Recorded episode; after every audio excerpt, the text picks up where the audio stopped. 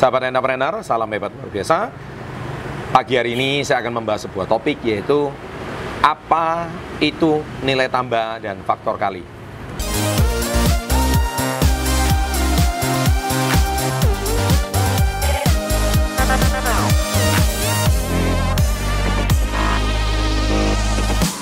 Sebagai seorang entrepreneur yang sukses, Anda pasti harus mempunyai dua faktor ini. Kalau Anda ingin menjadi yang terdepan, terbaik, tercepat, terexcellent, dan ter-ter-ter yang sebagainya. Nah, sebagai seorang pebisnis, ya Anda harus memiliki dua faktor ini. Saya bahas dulu yang pertama adalah nilai tambah. Nah, nilai tambah ini adalah uh, saya padukan dengan yang namanya marketing mix. Marketing mix itu kita bicara soal 4P. Ya, yang pertama adalah price, harga. Ya, harga ini harus yang paling murah. Ya, kalau bisa uh, kalau harga ini tidak bisa paling murah, berkompetitif. Ya. Kalau misalkan price ini Anda masih nggak bisa bersaing, ya, apalagi kalau Anda menjual produk yang sangat laris, contohnya HP, Ya, HP itu menurut saya semua orang juga jual HP, merek yang sama lagi. Ya, maka Anda e, harganya tidak bisa bersaing apalagi kalau sudah ditetapkan oleh dealernya. Nah, yang kedua adalah Anda harus e, menjual satu produk yang misalkan tidak ada pesaing tetapi sejenis. Nah, kita, kalau kita bicara soal price, maka price ini selain Anda harus bisa berkompetitif, Anda harus punya satu nilai tambah yang lain yang mungkin Anda nggak bisa di price, kita bisa tutupi dari beberapa P yang lain. Nah, P yang kedua adalah place, tempat. Jadi kalau misalkan tempat Anda mudah dijangkau, contoh mungkin Anda jual makanan, tempatnya di pusat keramaian, mudah didapat, ya itu menjadi nilai tambah. Kalau Anda misalkan mau membeli produk, tapi masuk dalam gang, pelosok, susah dicari alamatnya, itu bukan nilai tambah. Jadi place ini sangat penting. Ya, kalau misalkan Anda kurang modal, ya sekarang sudah ada marketplace. Anda bisa jual di beberapa marketplace yang sangat terkenal, ya, di internet apalagi juga. Dan Anda punya nilai tambah bisa dikirim sampai ke rumah, delivery dan sebagainya. Nah, P yang ketiga adalah produk. Jadi Anda punya produk ini harus sesuatu yang sangat unik dan kalau bisa berkualitas. Produk Anda itu unik, sulit ditiru. Ya. Karena produk yang sulit ditiru menurut saya itu nilai tambah. Dan apalagi produk ini mempunyai spesifikasi tersendiri, keunikan tersendiri. Ya, tidak semua orang bisa membuat produk tersebut. Nah, itulah nilai tambah Anda.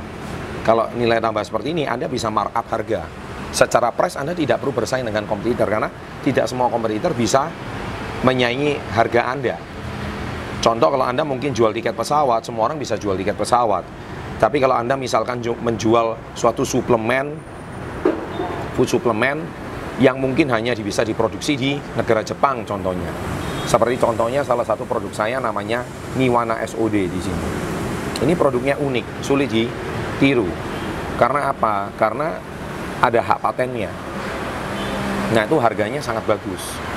Kalau Anda misalkan jual keripik contohnya, semua orang juga bisa bikin keripik.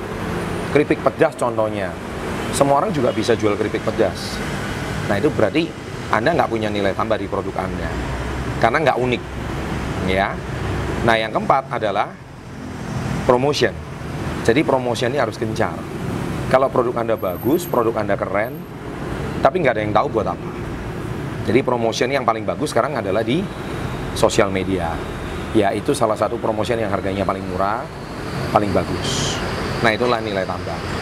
Nah yang kedua adalah faktor kali. Kalau kita bicara soal faktor kali, uh, kita akan bicarakan soal bagaimana produk Anda yang mungkin omsetnya sehari atau sebulan cuma 10 juta rupiah, bagaimana supaya bisa menjadi 10 juta rupiah. Saya sudah bahas di sebuah video saya bagaimana rahasia mencetak 3M per bulan omset. Nah, di situ semua itu adalah faktor perkalian. Kita ambil satu contoh, contohnya Anda pasti sudah kenal merek ini ya, McDonald. Ini burger yang berasal dari negeri Paman Sam. Awalnya cuma satu tempat, Rikrok.